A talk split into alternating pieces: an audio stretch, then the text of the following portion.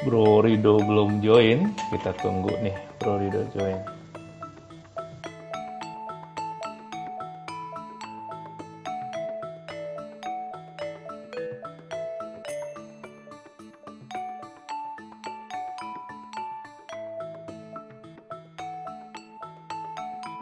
Mana nih Bro Rido? Halo. Ayo, kita ulang lagi nih Bro Rido. Oke ya. Oke, kita akan bincang karir bidang IT dan tantangan dunia kerja nih. Uh, langsung saja nih, uh, kalau untuk perkenalan kita udah tahu lah ya beberapa juga. Saya coba review di tulisan-tulisan Bro Rido nih yang di Medium, uh, lumayan juga nih. Cocok buat anak-anak muda yang mau join di bidang IT nih ya. Nah, kalau boleh tahu nih bro, uh, prospek bidang IT di masa depan itu menurut pandangan bro Dio seperti apa? Uh, Sebenarnya gini ya, uh, IT kan memang udah lama ya, cuman uh, kesannya untuk sekarang tuh kayak lagi booming banget ya. Itu ketika munculnya smartphone ya di sekitar tahun 2010 itu smartphone kan muncul di Indonesia kan ya, lagi ramai-ramainya kan.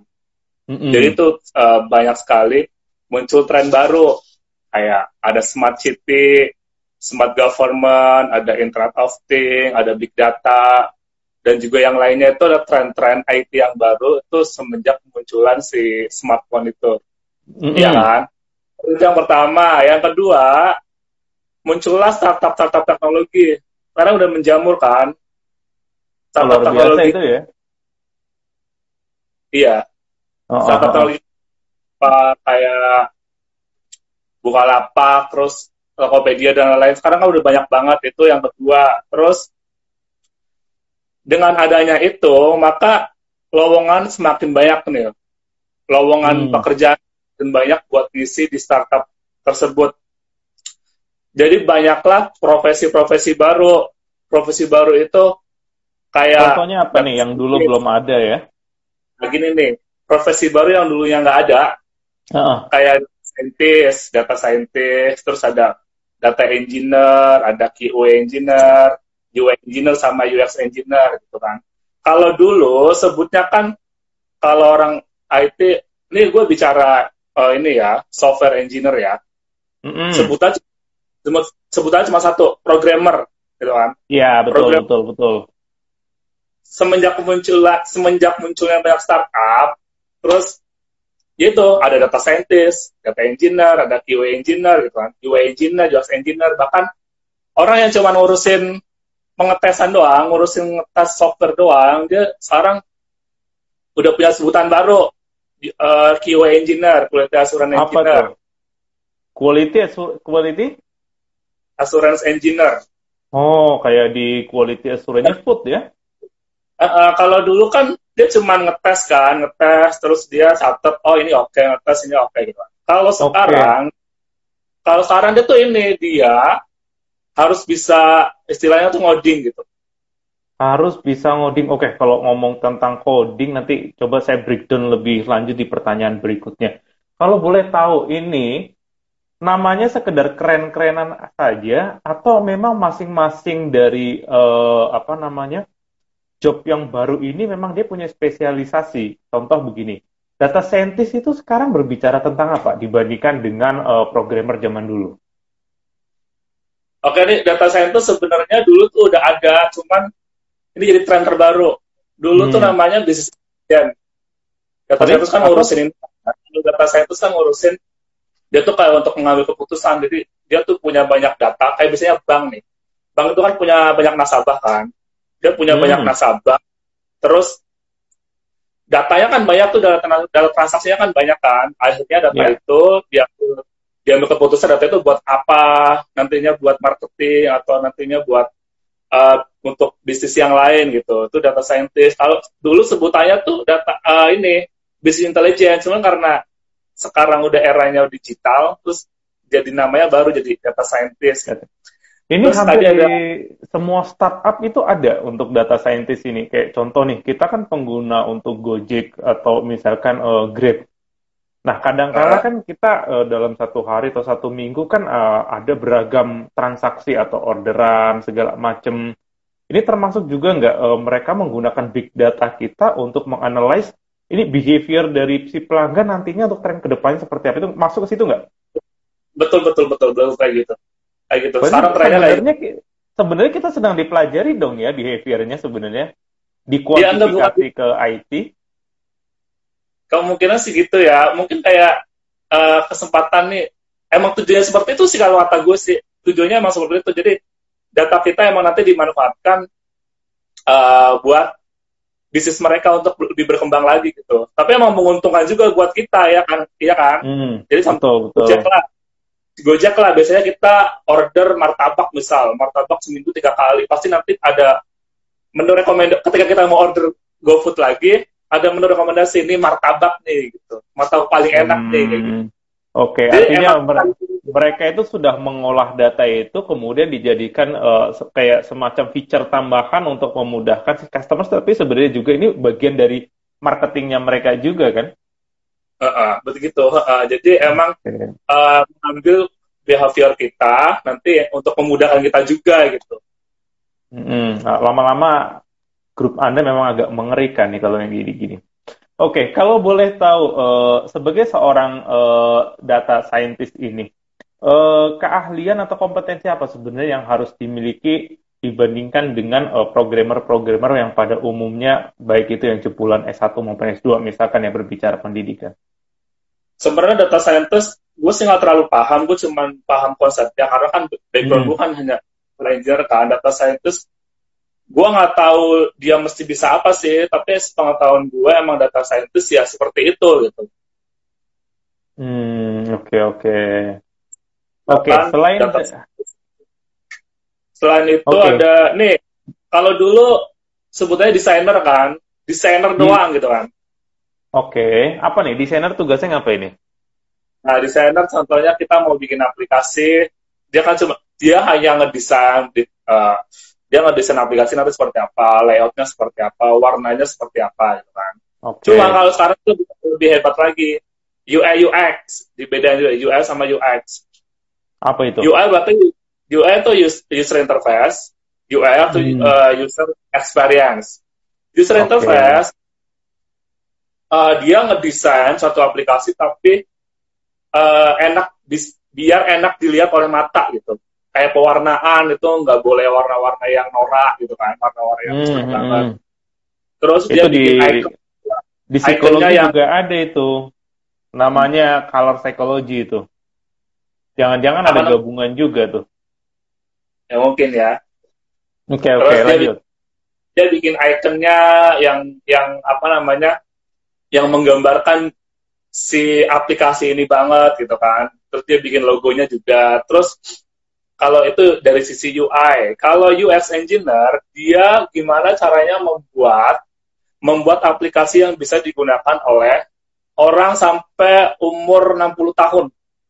Hmm, Jadi ketika okay. kita, kita bisa pakai aplikasi itu kan, tapi kita uh, kita aplikasi ini juga bisa digunakan oleh orang yang lebih tua dari kita. Jadi enggak, ini caranya gimana sih? Ini caranya gimana sih gitu. Jadi sekali megang langsung paham gitu user friendly ya uh, user friendly jadi okay, okay. orang saat buka itu langsung paham jadi enggak ini gimana sih ini gimana sih gitu kalau itu kalau UX itu artinya artinya berarti sebuah produk yang di launching oleh startup itu eh, melewati serangkaian tes yang sangat panjang dong ya? Iya betul. Dari dari analisnya kemudian konten sama uh, barangkali yang desain yang tadi disampaikan itu yang memudahkan uh, user friendly itu prosesnya panjang banget ya sebelum itu benar-benar di launching panjang banget sampai ada marketingnya juga kan. Ini targetnya buat siapa? Nanti ada digital marketingnya ya kan? Hmm oke okay, oke. Okay. emang panjang banget. Jadi nggak sekedar kita bikin program jadi ya udah tapi emang benar-benar ini nanti siapa yang make gitu kan? Ini enak nggak dipakai gitu? Ada orang mau make atau enggak gitu sih. Oke oke. okay. Nah dasar ketika aplikasi itu mau dibuat oleh sebuah startup itu itu berdasarkan uh, riset atau berdasarkan bagaimana tuh proses awalnya? Sebenarnya gini kalau kalau perusahaan gue kan perusahaan vendor ya. Perusahaan hmm. vendor kan berarti gini punya klien kan istilahnya punya klien. Klien itu pasti dia maunya seperti apa sih? Gue maunya bikin aplikasi yang misalkan dia mau bikin aplikasi e-commerce gitu kan. Ya udah uh, terus kita nanya ini targetnya buat siapa? Kamu jualan apa? Gitu kan. Terus hmm. misalkan baju terus targetnya buat anak muda. Akhirnya ya udah serahin ke kita ke perusahaan gue itu kan. Terus di situ ya udah kita define. Define kira-kira apa aja yang mau kita show di aplikasi tersebut, terus kira-kira yaitu desainnya seperti apa itu sih Pak. Oke oke, Jadi, artinya ini custom ya, berdasarkan request dari uh, si pelanggan atau si customermu. Iya, ini kalau bentuknya dia punya klien, tapi kalau saya ingat gue, gue pernah kerja di startup kan ya, teknologi yang nggak punya klien, jadi kita punya produk sendiri. Biasanya sih ini dia tuh riset dulu hmm. apa namanya apa intinya dia tuh kayak kan kalau teknologi itu kan sebenarnya adalah suatu solusi untuk membereskan masalah kan. Betul. Nah, jadi itu kayak terjun ke lapangan dulu. Dia harus nginterview, misalkan dia mau membuat uh, ini ya e-commerce misalkan dia mau menjual, menjual toko baju anak-anak misalkan. Nah, dia harus terjun dulu wawancara ke banyak orang. Bukan anak-anak mungkin ke ibu-ibu kan ya. Dia nanya dulu, biasanya anak-anak suka baju kayak gimana sih? Kalau cewek sukanya yang warna apa? Itu ditanyain semua. Nanti dikumpulin kira-kira oh ternyata uh, anak-anak suka warna kalau cewek suka warna pink gambarnya Barbie hmm, hmm gitu. hmm, hmm. oke oke oke. kita temanya adalah anak-anak yang suka Barbie kayak gitu sih pak. Jadi oh, emang mirip, dia mirip. iya mirip kayak kalau di bagian training kan ada tuh namanya TNA juga ya training need analyze. Jadi uh, tailor made dibuat berdasarkan data yang ada. Terus kemudian itu bisa uh, lebih memud uh, apa tepat guna ketika itu diaplikasikan sebenarnya. Oke, jadi uh, kalau boleh tahu nih, untuk prospek ke depannya untuk bidang IT akan seperti apa? Kalau tadi kan berbicara tentang uh, histori di di masa lalu uh, mulai menjamurnya startup. Nah untuk ke depannya ini akan lebih tantangannya seperti apa nih untuk bidang IT? Apakah tenggelam atau akan semakin menggila lagi dengan raksasa teknologi yang saat ini barangkali mereka juga mengembangkan uh, artificial intelligence, kemudian Internet of Things, ya. Nah nih, 4.0 nih.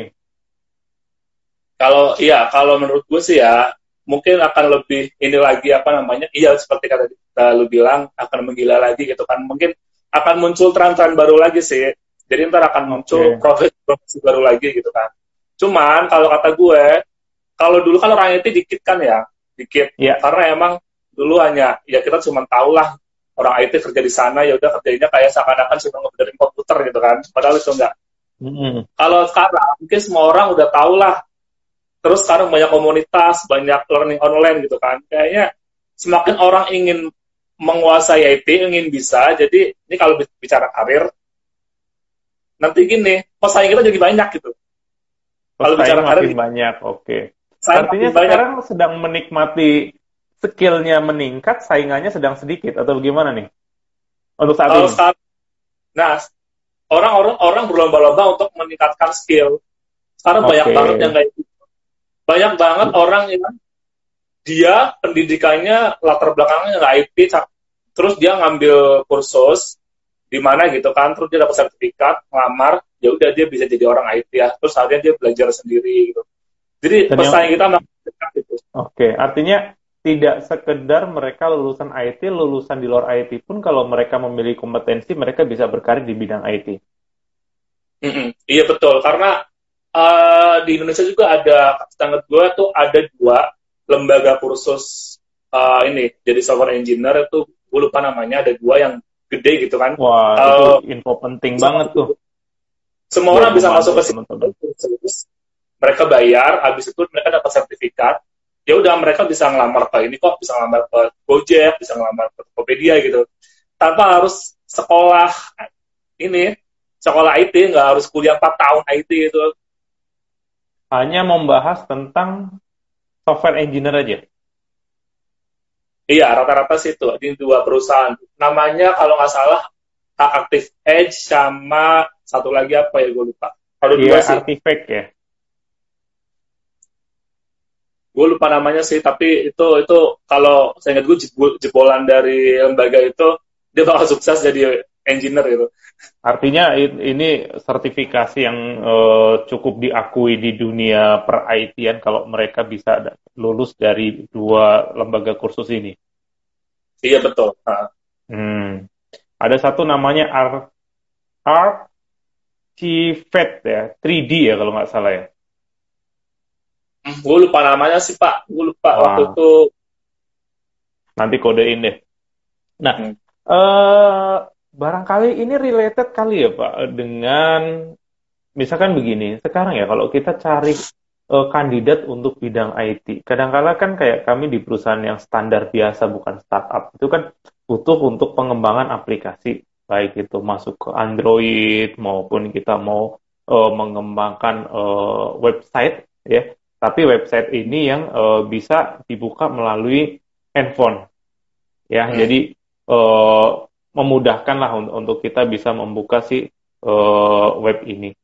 Nah uh, tantangannya adalah kadangkala yang namanya perusahaan konvensional itu kan budget uh, salary terbatas. Nah banyak teman-teman IT saat ini karena menganggap dirinya mendekati software engineer ekspektasi gajinya juga luar biasa. Nah, iya. Uh, uh, namun hal yang paling umum kita temui ketika kita testing, kalau dulu kan barangkali interview meyakinkan rekrut, interview meyakinkan rekrut. Uh, sekarang hmm. kita mau tes seseorang menggunakan uh, bahasa pengkodingan, nah, nanti uh, tolong di, di breakdown lagi tuh. Nah, ketika kita minta mereka untuk uh, tes, yang yang kadang-kala membuat kita terheran-heran begini. Anda menuliskan begitu banyak kompetensi yang Anda kuasai, tapi begitu Anda dites, kemampuan Anda 1 sampai 10 barangkali hanya di level 5. Nah. Belum sampai 7, bahkan belum sampai 8. Nah, ini problemnya. Jadi, Anda bangga dengan diri sendiri, tapi kenyataannya hanya sebatas pemahaman barangkali ketika dites tidak sampai tuh di situ. Nah, gap ini yang, yang eh, kadang-kala kita lihat uh, keren sih memang, tapi untuk mencari orang yang kandidat benar itu akan uh, sedikit mengalami kesulitan sebenarnya kalau kalau kita ngomong di pasaran ya, teman-teman katakanlah dari 20 atau 30 yang apply jarang sekali kita temuin itu yang benar-benar sesuai dengan uh, requirement yang kita butuhkan. Bisa digambarkan nggak uh, kalau boleh ngomong populasi lulusan IT saat ini yang general ya, yang mereka belum ikut kursus eh, kursus-kursus itu. Uh, mostly mereka itu penguasaan uh, codingnya itu karena di kampus sudah diajari uh, untuk uh, bahasa pemrograman itu atau mereka harus upgrade sendiri sebenarnya di luar. Uh, gini, uh, seperti yang tadi gue sebutkan, orang orang IT zaman sekarang itu kan tadi gue bilang dia berlomba-lomba untuk kayak membranding dirinya sendiri kan. Betul. Itu kalau untuk membuat portofolio yang sebagus mungkin gitu kan biar nanti ketika CV-nya jadi ketika dia portofolio dimasukkan ke CV nanti CV-nya dimasukkan ke HR dan HR wah ini keren banget jadi gue panggil gitu kan. Yes nah itu mereka di sini mereka uh, setahu gue ya banyak yang cuman dia paham lah gue paham konsepnya akhirnya dia melampirkan oke okay, gue bisa ini gitu kan. Yeah, dia yeah. paham bisa ini gitu kan. Itu. Terus yang kedua ya itu tadi tadi bapak bilang dia hanya kayak memfarmaksi CV-nya doang gitu kan lebih bagus. Ketika dites ternyata hasilnya nol gitu kan. Oke. Okay. itu banyak itu banyaknya seperti itu kalau gue perhatikan. Terus yang kedua ini mungkin untuk fresh uh, graduate ya yang baru lulus. Oke okay, memang pelajaran pelajaran di kuliah pak sebenarnya itu kurikulum lama. Oke. Okay. itu yang kurikulum. Terus untuk prakteknya itu sedikit itu pun dia prakteknya hanya dasar. Terus okay. uh, eh, apa namanya banyakkan teori karena kan emang pemrograman itu kan biasanya lebih ke algoritma kan, jadi teori-teori algoritma gitu kan. Jadi mau nggak mau untuk programmer sekarang tuh kebanyakan dia jago karena dia belajar sendiri lewat internet, lewat okay. komunitas. Banyak banget komunitas tuh. Komunitas banyak banget komunitas biasanya komunitas itu ngadain acara uh, seminggu sekali ngadain pertemuan terus temanya apa itu sekarang komunitas banyak banget. Gitu. Nah kalau kalau lu sendiri suka ikut untuk uh, apa namanya komunitas komunitas-komunitas seperti itu, tertarik teh? Iya gue masuk komunitas. Biasanya yang ada itu Google. Google tuh tiap bulan ngadain uh, apa namanya pertemuan buat bahas teknologi baru. Gitu kan? Artinya kita datang artinya harus melek dong ya untuk uh, misalkan kalau anda di bidang IT berarti harus melek tentang update-update pertemuan atau update tentang ilmu apalagi nih yang sedang booming di luaran dan uh, curiosity-nya di situ harus benar-benar ditingkatkan loh. Iya betul betul betul. Jadi kita tuh jangan berdasarkan teori aja gitu kan, terus jangan berdasarkan dari hasil uh, menimba ilmu di masa kuliah itu jangan, tapi emang kita pertama ikut komunitas lah. Biasanya komunitas-komunitas besar itu dia tuh setiap harinya tuh update teknologi gitu kan, ada teknologi baru di Google gitu kan. Terus hmm. kita juga harus uh, baca, baca sering baca sebenarnya kuncinya sering baca juga sering baca uh, di artikel-artikel teknologi gitu oke okay. jadi ke, kalau baca nih kita baca kita baca terus nemu topik baru terus topik baru itu kita ulik lagi kita cari terus ini sampai mana okay. gitu kan oke okay, oke okay. itu nice tuh nah kalau boleh tahu nih kalau Bro Rido sendiri kalau berbicara tentang kompetensi di bidang IT-nya sendiri, uh, kemampuan atau teknikal apa saja nih yang bro kuasai uh, sebagai seorang uh, software engineer? Jadi uh, mungkin untuk orang-orang yang pengen uh, menguasai IT khususnya di software engineer itu yang pertama adalah memahami bagian-bagian IT. Karena ada orang bagian, salah paham bagian IT. Ya gini, ada orang salah paham gini. Orang IT harus dewa. Jadi dia ngerti semua gitu kan. Ngerti semua. Dia harus okay. dia ngerti caranya benerin komputer lah dia ngerti caranya ngehack lah dia ngerti caranya sorry sorry. apa sorry bukan ntar lu ntar lu paham kan padahal Orang ada bagian masing-masing. harus menjadi dewa itu paradigma lama atau yang saat ini berlaku nih itu bagi orang-orang yang nggak ngerti. Oh oke. Okay. yes. padahal di dalamnya ada spesialisnya masing-masing. Spesialisasinya. Oke, Contohnya nih ada ada bahkan ada ada yang lebih lucu gini. Orang IT kamu harus bisa Excel sama Word. Padahal enggak oke. Okay. kamu harus Microsoft gitu padahal enggak kan? Ada bagiannya ada bagiannya. Uh, ada ya sebutannya lah software engineer berarti dia ngoding gitu kan. Dia nge ngebuat hmm. software. Terus ada IT support IT support biasanya ngebenerin jaringan terus ngebenerin komputer gitu kan terus dia yeah. install komputer install software gitu kan Terus ada database database administrator, dia berarti dia ngurusin database. Itu ada bagian masing-masing, jadi enggak semua orang IT itu harus bisa semuanya gitu kan. Oke. Okay. Terus untuk Excel Word itu sebenarnya bukan bagian IT, Excel itu hanya hanya tools aja gitu kan. Oke. Okay.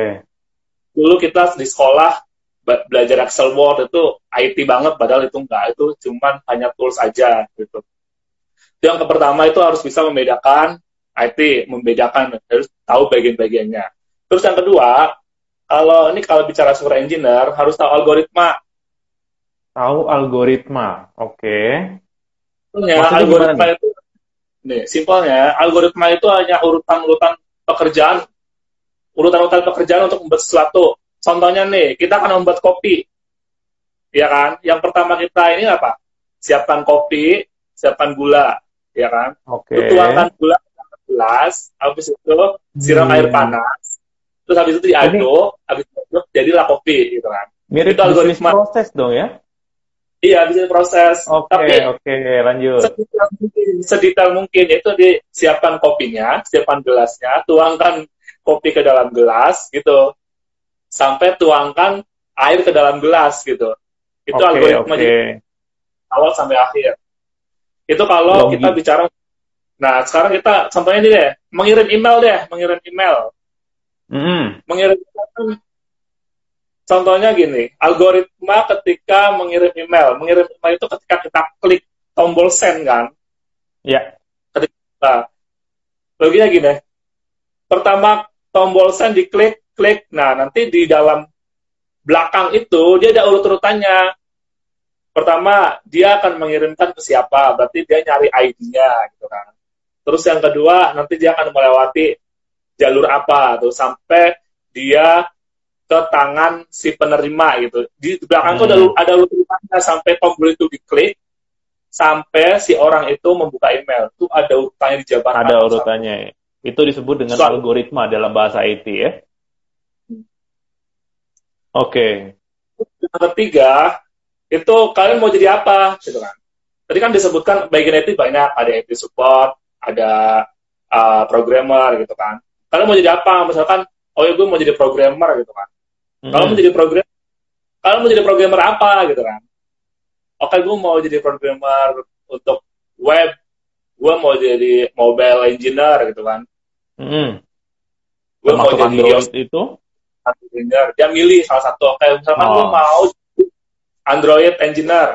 Oke. Oke, gue mau nge mobile gitu kan. Terus ya udah kalau untuk membuat mobile untuk membuat Android berarti kalian harus bisa Java. Berarti dia harus belajar Basicnya. harus belajar uh, harus belajar Java dari dari basic sampai ya sebenarnya nggak ada ujungnya sih sampai kapan pun itu kan Java akan berkembang terus gitu. Oke, Sebenarnya oke. gitu sih. Terus yang Oke. terakhir ikuti komunitas.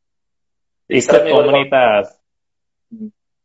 Karena kan kalau ikut komunitas nanti info-info teknologi terbaru kan akan lebih cepat dat- datang gitu, akan lebih cepat ditemukan. Oke.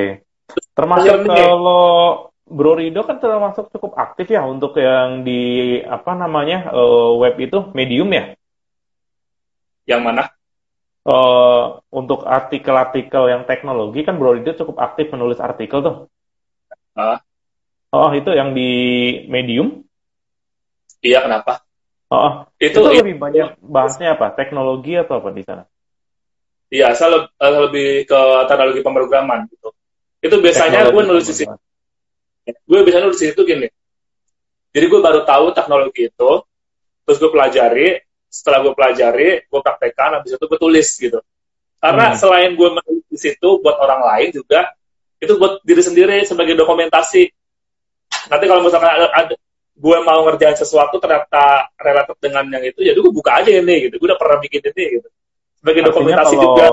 iya artinya kalau sudah pernah buka itu meskipun sekarang agak lupa kalau suatu saat buka artikel itu lagi sedikit banyak langsung ingat kembali untuk apa yang pernah dibahas di situ ya. Iya, jadi ada tujuannya buat dokumentasi juga, buat membaca juga gitu. Oh, ini mirip-mirip ini sih bro, mirip-mirip bahasan yang kemarin gue sempat discuss eh, sama lu tuh yang tentang neuroplasticity ya.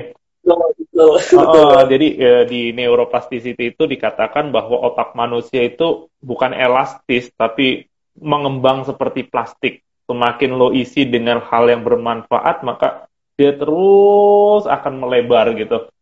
Kapasitasnya sendiri kalau dikatakan di situ terus akan berkembang sampai dengan eh, tutup usia. Bahkan kalau lu nggak pakai malah kan kecenderungan akan eh, terjangkit kayak semacam Alzheimer atau hal-hal yang eh, retardasi mental atau artinya memang semakin berumur kalau dalam psikologi eh, kognitif seseorang itu akan semakin agak sedikit turun turun turun turun turun. Nah, salah satu hal yang yang memang eh, bisa menjembatani orang tetap aktif di dalam eh, lingkungan atau sosial itu ya memang harus memperkuat eh, curiosity-nya. Semakin kita belajar kayak misalkan eh, ada satu contoh dibilang begini. Kalau lu belajar tentang naik sepeda berhari-hari you terus naik sepeda naik sepeda. Akhirnya ketika you naik sepeda udah nggak ngomong lagi cara belajar naik sepedanya otak kita langsung secara otomatis membuat kita itu hafal even kayak misalkan you pulang dari rumah eh, dari kantor ke rumah gitu dengan you main handphone pun atau you sedang telepon pun pasti nyampe ke kantor tanpa lu harus pikir lewat jalan mana. Hmm. Tapi kalau setiap hari lo lewat jalan yang sama tiba-tiba you pengen coba jalan C sama jalan D, nah itu curiosity-nya gerak.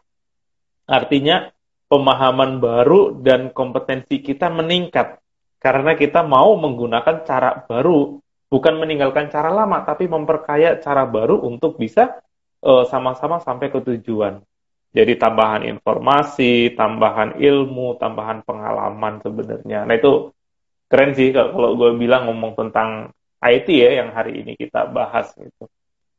Nah, eh, balik lagi yang tadi uh, di IT ada spesialisnya masing-masing. Nah, pesan buat para generasi muda nih yang mau terjun di bidang IT, khususnya mereka yang memang ngambil jurusan IT. Mumpung belum terlalu jauh, mereka katakanlah uh, angkatan yang baru akan masuk atau semester 1, semester 2. Pesan-pesan dari Bro Rido tuh apa sih untuk mereka? Oke, uh, eh, pesan gue buat yang masih kuliah nih ya, masih kuliah terus dia uh, emang berkeinginan untuk nanti profesinya setelah lulus kalian akan berprofesi sebagai orang IT. Yang pertama adalah uh, jangan mengandalkan dari kuliah saja, ilmu dari kuliah saja, karena ilmu yang ada dulu dapat di kuliah itu semasa gue kuliah itu hanya sebatas teori. Penting okay. sih emang penting itu penting sebatas teori. Memang untuk belajar IT itu emang harus tahu teorinya dulu gitu kan. Itu memang penting. Cuma kalau di perkuliahan itu prakteknya sedikit, jadi kalian gini, kalau di kuliah uh, selama sama dosen kalian belajar teori, tapi di luar kuliah, uh, di luar jam kuliah kalian tuh ini belajar prakteknya gitu.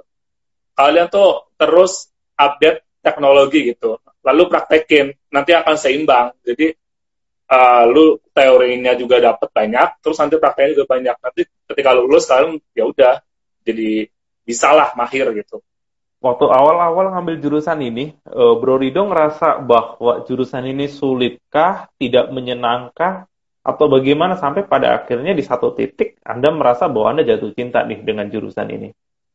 Nah, uh, gini, dulu sebelum gue masuk, dulu kan gue sebelum masuk ke fakultas ilmu komputer ya, gue mikirnya ya tadi belajar IT itu cuman mainan Word, Excel, Photoshop gitu kan.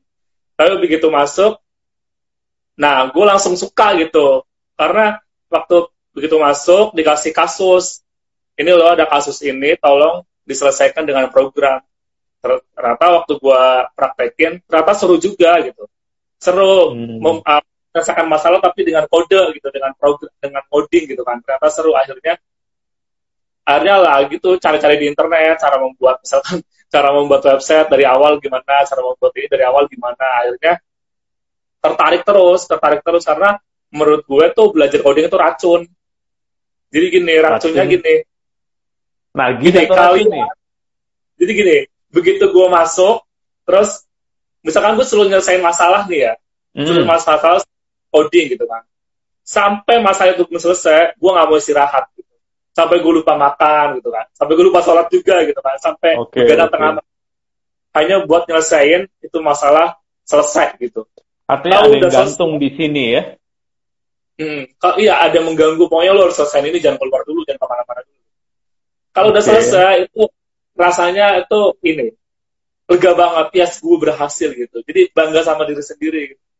Nah itu yang barangkali yang tadi gue sempat bahas, curiosity antara satu orang dengan orang lain itu yang membedakan at the end uh, cara orang berproses.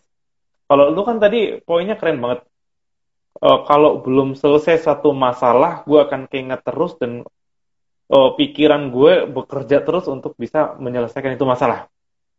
Tapi iya. ada beberapa orang yang berhenti di tahapan tertentu yang dia nggak melanjutkan itu. Ya sudahlah, hmm. gue nggak mau lagi pusing-pusing ngurusin ini. Nah, outputnya itu akan beda. Kalau lu kan keren, curiosity-nya jalan, kemudian you happy ketika masalah itu terselesaikan. Nah, ada orang yang berhenti di tengah jalan dan memilih untuk cari cara aman. Ya udah lupakan, cari bahasan yang lalu, eh, yang lain. Artinya orang ini tidak mengembangkan dan tidak berkembang satu poinnya. Kalau lu berkembang nih keren, akhirnya dapat satu ilmu, dapat satu pengalamannya gitu. Iya, memang sih eh, di tengah-tengah emang kita emosi gitu. Ini kok nggak selesai-selesai, tapi di ada yang mendorong udah selesai selesai selesai gitu padahal kita udah emosi ini kok selesai ini apaan sih apaan sih em emosi tapi ada terus mendorong kamu harus bisa kamu harus bisa harus bisa itu oke okay, okay. dan jadi bosan sendiri selesai bosan sendiri lega banget lega banget ya artinya memang uh, dari tahapan ini bagian yang paling penting kalau kalau tadi bro sampaikan itu bukan sekedar di kuliahnya ya, tapi experience barunya di lingkungan yang memang harusnya dia cintai untuk bisa upgrade skill yang dia punya. Iya, iya. Hmm. Okay. Terus uh, sering baca dari sering baca. Sering baca, oke. Okay. Nah kalau ini kan uh, sekarang sebagai software engineer juga udah jadi senior ya di sana. Kalau bro lihat dari para lulusan baru yang barangkali uh, anda berkolaborasi nih dengan dengan new member yang yang ada di perusahaan yang anda kan lumayan banyak tuh pengalamannya gambaran umum dari mereka yang fresh graduate atau yang baru satu atau dua tahun bekerja di bidang IT atau lulus dari IT, gambaran besar uh, experience atau uh, keahlian mereka seperti apa? Kalau baru lulus itu memang kita terima, terima tapi kita dikasih tas yang kecil. Jadi gini, kalau gue, gue kan uh, jadi lead juga kan di sana kan. Jadi kalau misalnya ada anak baru, baru lulus, itu ada orang yang, ini anak baru, udah kasih tas yang banyak aja gitu kan. Itu jangan, tapi anak baru itu dikasih tas satu dua, tapi sambil dibimbing gitu, sambil kita hmm. sambil ngebimbing biar mereka semakin maju gitu, bukan berarti anak baru itu dikasih tas banyak, tapi kita dibimbing, kita bimbing mereka gitu, kita bimbing mereka mulai dari nol gitu kan. Ini aplikasinya nanti buat ini loh, kamu buatnya pakai ini, pakai ini, pakai ini gitu. Dijelasin detail. Terus kita kasih waktu, tolong selesaikan dong satu minggu, kamu harus selesai ya gitu. Dengan uh, poin-poin yang tadi gue jelasin gitu. Betul. Nah lama-lama lama-lama dia terbiasa gitu kan, terbiasa. Terus ketika ada problem, dia mampu menyelesaikan masalah gitu. Jadi pertama tuh dibimbing dulu, terus lama-lama dia akan terbiasa. Intinya gitu sih. Oke. Okay. Oke, okay, oke. Okay. Nah, uh, apa namanya? Untuk saat ini sendiri dalam situasi pandemi seperti ini, ada ngaruhnya nggak ke bidang IT? Apakah terdampak uh, terhadap aktivitas uh, bisnisnya atau bagaimana ya kalau untuk yang pandemi saat ini? Uh, gini, justru pandemi gini malah ini ya, uh, apa namanya jadi kesempatan kita membuat sesuatu untuk menyelesaikan masalah, khususnya untuk masalah pandemi gitu contohnya ada aplikasi buat rekam lah, buat rekam jejak seseorang 14 hari ke mana gitu. Kita kita bisa lah hmm. bikin aplikasi. Terus uh, banyak sih, banyak perusahaan startup yang mencoba untuk itu gitu. Terus Dan banyak kalau juga salah di oh kalau nggak salah perusahaan Bro juga bikin ini ya aplikasi ya untuk uh, rekam jejak si uh, karyawan atau si pasien ini uh, dalam 14 hari dia ke mana saja ya dan itu ngeling terhadap database dari pemprov ya. Iya jadi itu jadi uh, apa namanya kita kan punya masalah nih COVID-19 hmm. gitu kan. Ini jadi kesempatan kita oh kita ngebuat software yang bisa menyelesaikan masalah ini untuk masyarakat gitu kan. Jadi jadi ada opportunity baru gitu kan. Terus yang kedua, ini biasanya restoran-restoran yang dulunya nggak delivery order, atau mungkin delivery via telepon, mungkin dia punya opportunity, oh kita akan membuat aplikasi yang bisa uh, order online gitu kan, nanti aplikasi bisa download sama orang-orang, order order online gitu. Jadi mm-hmm. kalau kata gue malah muncul opportunity baru gitu bagi perusahaan tersebut untuk membuat produk baru yang dipakai oleh si customer-nya gitu.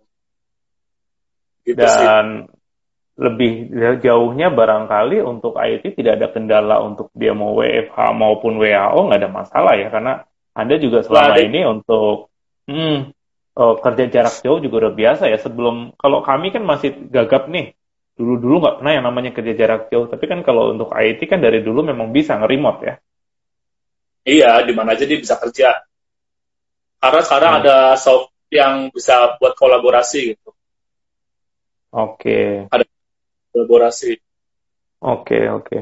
Terus kemudian uh, ada satu bahasan kemarin yang di WhatsApp uh, Bro sempat hampir sampaikan itu tentang iOS atau apa itu? Oh, jadi gini, uh, iOS itu so apa namanya bahasa pemrograman buat bikin Apple kan, Apple aplikasi hmm. Apple kan kayak.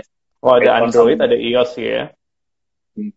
Nah, kebetulan itu gue lagi belajar itu kan, gue tulis di artikel gue di Medium, itu belajar iOS dari basic sampai ya nggak ada nggak ada ujungnya sih karena kan terus berkembang ini gue tulis di situ gitu.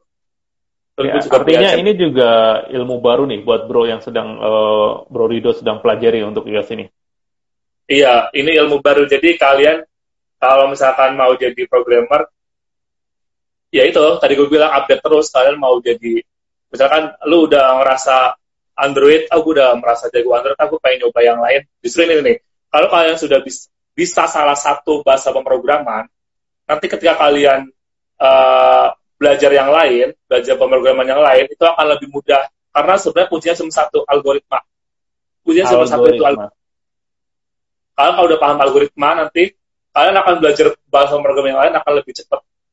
Kalau di kuliah tuh belajar algoritma itu sampai berseri-seri nggak tuh bro? Iya, sampai berseri-seri. Semester satu belajar ini, semester dua belajar ini. Tapi gue lupa sih. Tapi emang ada tahapannya gitu. Oke, okay, oke. Ada teorinya tuh, iya teorinya tuh banyak ribet gitu. Oke. okay untuk memudahkan makanya kemudian uh, coba ikut di komunitas-komunitas karena di situ kan banyak sharing dengan uh, satu pakar dengan pakar lainnya ya untuk upgrade uh, ilmunya. Iya jadi gini, mulai di kuliah itu ya udah lu matangin teorinya, nanti untuk prakteknya lu belajar sendiri sama komunitas-komunitas yang lain gitu, nanti akan nyambung gitu. Jadi enggak okay. teorinya dihabisin dulu baru prakteknya itu jangan dia ada apa sekalian aja gitu. Oke, okay. kalau saya bahas yang lain nih bro. Kalau ngomongin tentang jurusan IT, kira-kira bro punya rekomendasi atau cukup melek nggak di universitas mana yang kira-kira untuk jurusan IT-nya tuh sangat up to date sekali dengan uh, kebutuhan saat ini. Barangkali bisa jadi referensi untuk adik-adik kita. Uh, sebenarnya gini ya, sebenarnya kalau kata gue ya kurikulum di kurikulum kan sama aja ya di hmm. universitas kan Cuman yang bisa menggerakkan itu sebenarnya adalah komunitas di kampus itu, Pak. Komunitas Jadi, di kampus. kampus itu. Kayak mungkin kampus, uh, ini oh, kampus mana tuh yang kira-kira? Sorry? Kalau kata gue Binus, Binus, Binus itu keren banget IT. Di situ banyak komunitas IT. Dan di salah satu komunitas, komunitas IT-nya. Nah, dan salah satu komunitas uh, Apple developer itu cuma Binus doang yang keren. Apple developer. Cuman Binus ya. Wah, itu lumayan tuh buat adik-adik yang baru mau masuk tapi ya ketat juga kalau masuk ke binus kalau nggak salah sih. Gue nggak tahu, gue bukan lulusan binus, tapi binus itu komunitasnya bagus, komunitas komunitas IT-nya tuh banyak apa bagus gitu. Jadi emang, okay. jadi yang bisa menggerakkan itu dari mahasiswanya itu sendiri gitu. Jadi bukan yeah, dari yeah. dosennya, tapi mahasiswanya sendiri, BM-nya kali ya, badannya khusus mahasiswanya. Oke. Okay. Terus kemudian nih, uh, apa saja sih keseruan uh, jurusan IT atau uh, atau bekerja di bidang IT uh, kalau comparing dengan jurusan-jurusan lain ya uh, barangkali sih pengalamannya akan berbeda sih ya antara satu dengan yang lain. Tapi kira-kira menurut bro sendiri keseruannya apa saja yang bro dapatkan atau rasakan uh, di bidang ini? Keseruannya uh, apa ya? Kalau ikut komunitas itu keseruannya yaitu kita akan bertemu orang-orang keren. Kalau kata gue sih orang itu tuh keren gitu. Keren-keren ya. Gitu. contohnya gini uh, kita kan bertemu dev, misalkan di komunitas pasti kan banyak developer developer dari banyak perusahaan kan. Kita kan bertemu developer Tokopedia kita banyak bertemu developer Gojek. Mereka oh, kan sharing di Gojek yang seperti ini di oh, Tokopedia oh, ada. mereka ini. di di komunitas itu ada mereka? Orang-orang uh, dari Tokopedia dari, dari uh, aplikasi yang lain ada ya? Nah, jadi saling sharing. Mereka di Gojek sistem developmentnya kayak apa di ini kayak apa gitu. Bahkan ada gak yang ada yang nggak ada yang ditutup tutupin terbuka saja di situ? Nggak mereka malah akan ya udah di Gojek misalkan developmentnya pakai Scrum terus di sini pakai apa gitu gitu sih. Hmm. jadi itu ya, nama kita, komunitasnya apa? Nama komunitasnya uh, apa itu uh, Google Google apa namanya? Gue lupa namanya apa ya karena pandemi itu nggak ada ini sih. Facebook, Google juga ada, gue lupa.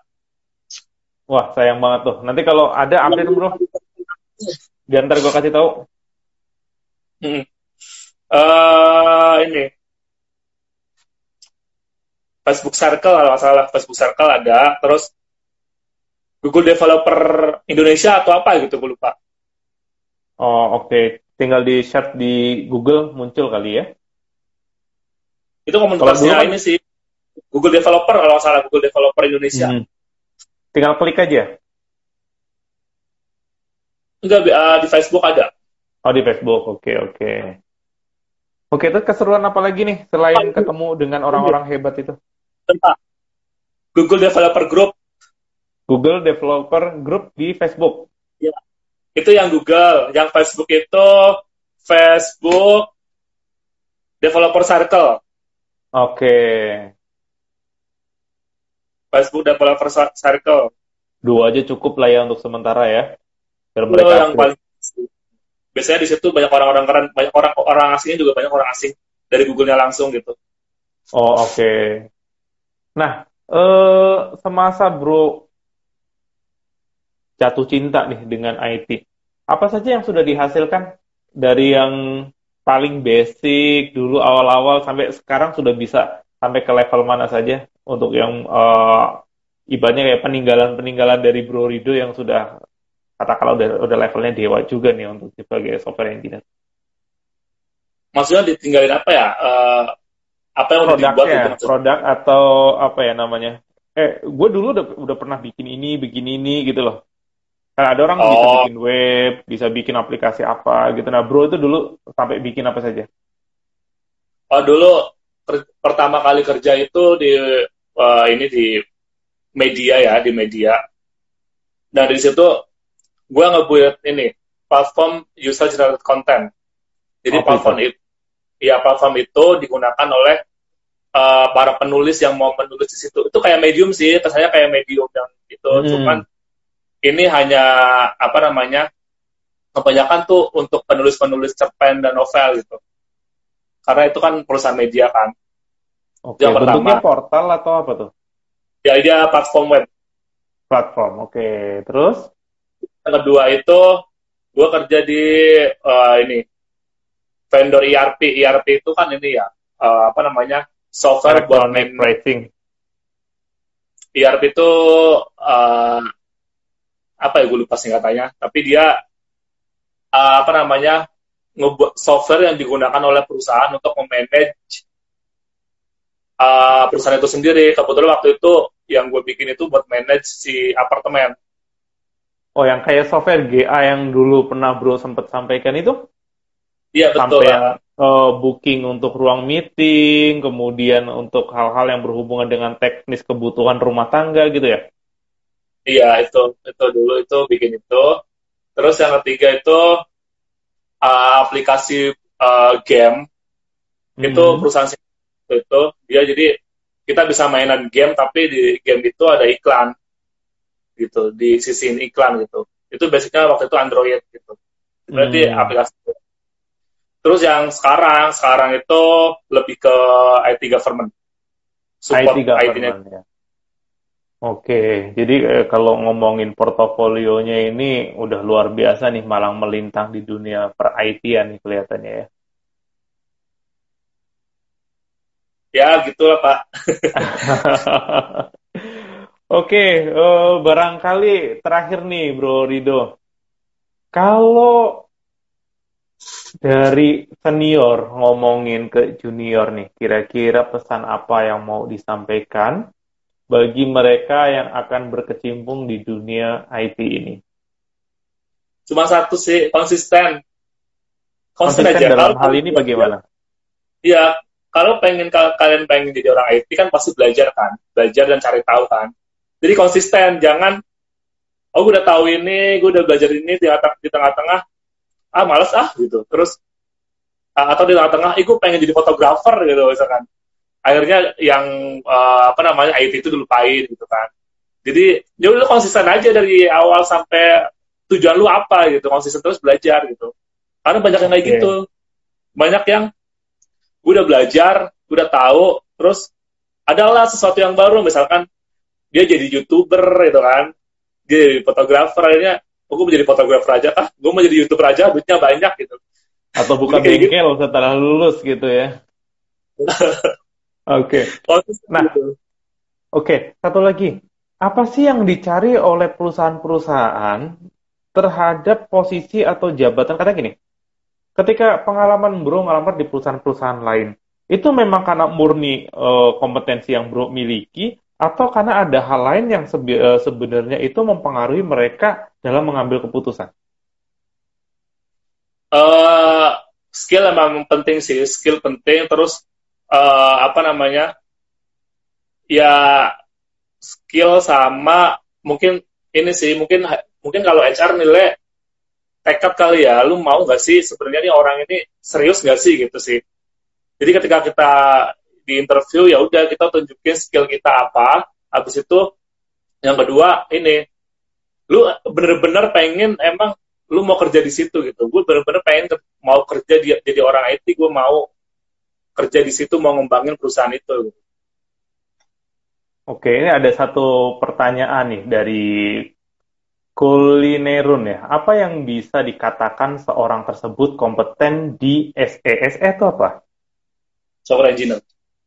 Oke, apa yang dia bisa dikatakan orang tersebut kompeten di bidang software engineer? Uh, kompeten itu berarti dia dia punya skill, terus dengan hmm. skill itu dia bisa membuat something yang bisa digunakan gitu. Dia punya skill tapi skill itu misalkan gini, gue punya skill bahasa pemrograman JavaScript gitu kan. Terus dengan bahasa itu gue bisa ngebuat website dan websitenya jadi bisa dipakai sama orang. Nah itu bisa dikatakan lu tuh udah mahir jadi software engineer. Artinya final goal-nya adalah ketika lo mahir sesuatu, produk apa yang sampai bisa go live itu yang yang disebut dengan uh, mahir atau bisa dikatakan sebagai software engineer itu. Iya, jadi produknya itu bisa digunakan. Produknya bisa digunakan. Punya skill, terus skill uh, skill itu di, uh, di apa namanya digunakan untuk membuat sesuatu dan sesuatu itu sesuatu itu bisa digunakan oleh orang lain atau buat diri kita sendiri. Artinya kalau bisa gue bilang gini kali ya, uh, tidak ada orang yang terlahir atau memulai sesuatu dari expert, tapi orang itu memulai dari hal yang kecil. Kalau nah. kecil, you selesaiin, tantangannya ditambah, curiosity-nya ditambah, pada akhirnya tanpa you sadari bahwa you sudah sampai pada titik yang bahwa oh, orang bisa mengatakan you hebat. Kalau kita menganggap diri kita hebat kan terlalu sombong. Tapi kalau hmm. ada orang lain mengakui bahwa kita mampu dan bisa, artinya memang kita diakui oleh orang lain. Ya, yeah. kita bilang bahwa jangan berhenti mencoba, jangan berhenti di tengah jalan. Artinya memang hasil itu bukan hal yang lumayan apa, bukan hal yang 100% penting, tetapi proses kita untuk bisa menghasilkan itu yang kemudian membuat kita memiliki pengalaman dan membuat kita lebih berkembang lagi, ya nggak sih? Iya, iya betul. Okay. Karena gini, uh, jadi gitu, misalkan gini, kita kita lagi ngebuat software gitu kan, ngebuat software. Kan prosesnya lama kan. Hmm. Dalam proses itu pasti kita akan menemukan hal-hal yang baru yang kita nggak expect gitu di awal. Contohnya, kayak kita membuat website, terus misalkan kita belum pernah membuat slide lah ya, slide di website. Nah, ternyata kita punya kerjaan buat ini website ini harus ada slide-nya. Kita kan mikir kan, buat slide kayak gimana ya? Akhirnya dia cari tahu kan. Ya udah dia hmm. cari membuat seperti ini. Nah, muncullah ilmu baru. Oh, gue udah pernah membuat slide gitu. Gitu dan sih. Itu, Jadi, dan itu nggak akan dilupakan kan? Akan dipakai terus kan itu gitu. Oke. Okay. Jadi uh, selama proses di, uh, kita uh -huh. akan terus menemukan hal-hal baru. Pasti akan menemukan hal baru. Menemukan hal-hal yang baru itu kata kuncinya. Oke. Okay. Uh, Oke, okay, gue lupa. Ada yang uh, mau gue tanyakan begini tantangan terberat atau terbesar ya. Tantangan itu kan bukan sesuatu yang menakutkan sebenarnya. Tantangan uh, paling berkesan yang Bro Rido pernah uh, lewati dalam kurun waktu sekian tahun uh, bergelut dalam bidang uh, IT itu bisa diceritakan nggak Bro? Tantangannya waktu uh, ngapain dan bagaimana terus finalnya seperti apa? Tantangannya sebenarnya uh, ini Pak, ketika kita mau konsistensi sebenarnya sih.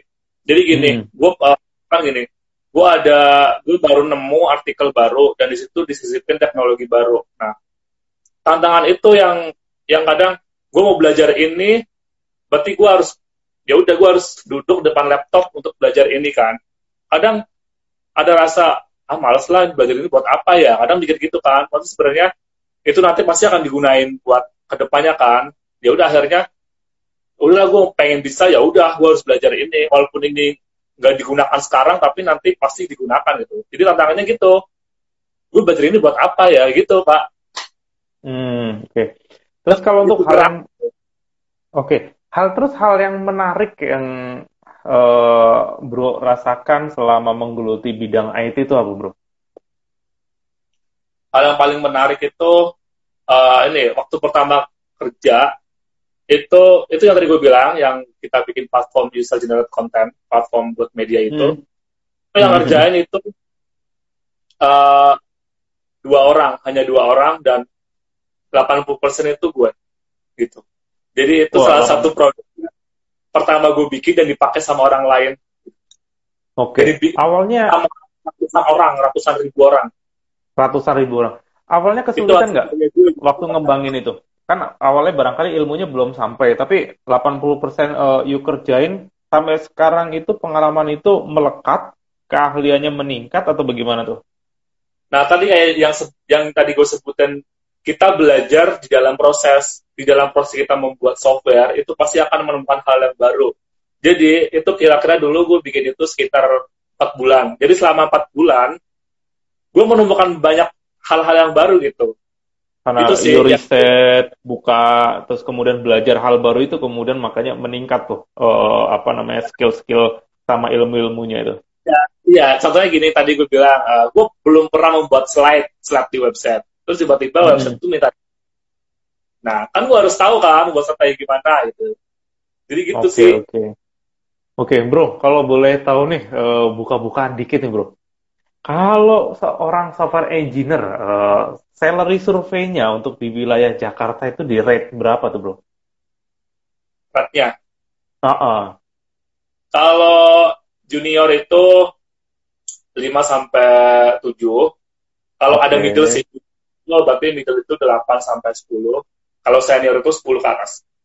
10 ke atas. Artinya oh, posisi ini ya memang menjanjikan ya untuk masa depan. Kalau sebenarnya teman-teman di luar sana itu benar-benar concern dan menguasai ya. Karena itu uh, balik lagi sih uh, experience gue di rekrutmen sendiri. Kalau gue tuh biasanya mau bayar orang sesuai kompetensi. Tapi sayangnya orang yang kita mau rekrut itu ya tadi yang gue sempat bilang sama lo portofolionya panjang tapi begitu dites nihil itu problemnya hmm. mending orang yang simple tapi pas interview, you mau tanya apa saja dia bisa jawab. Kemudian kita kasih testing untuk uh, katakanlah trouble atau apa dia bisa selesai. Orang ini cepat tanggap. Gak usah banyak ngomong nih. Biasanya kalau orang IT juga kan introvert tuh rata-rata. Cuman memang uh, poinnya, you kuasai materi itu, you pede dengan itu, dan ketika you mampu bilang mampu, kalau enggak bilang enggak. Kadang-kadang kan hmm. ada orang yang yang dia itu uh, apa namanya kayak kayak macam wah begitu hebat ketika dia menjelaskan secara konsep teori, tapi begitu kita kasih praktikal, gak ada, gak keluar uh. itu. Kadang-kala, wah saya coding, uh, apa yang kamu kuasai? PSP, Java segala macam, oke. Okay. Tapi begitu kita minta, ini ini ada ada data nih, minta tolong kelarin, mereka nggak bisa. Uh. Mendingan yang standar, tapi memang yuk yuk kuasai itu uh, nilai itu akan ngikuti kalau menurut gue pribadi ya sebagai seorang rekrutmen. Kalau memang nilai lo layak dianggap sebagai senior, middle atau junior, ya nilai akan ngikut di race-nya itu.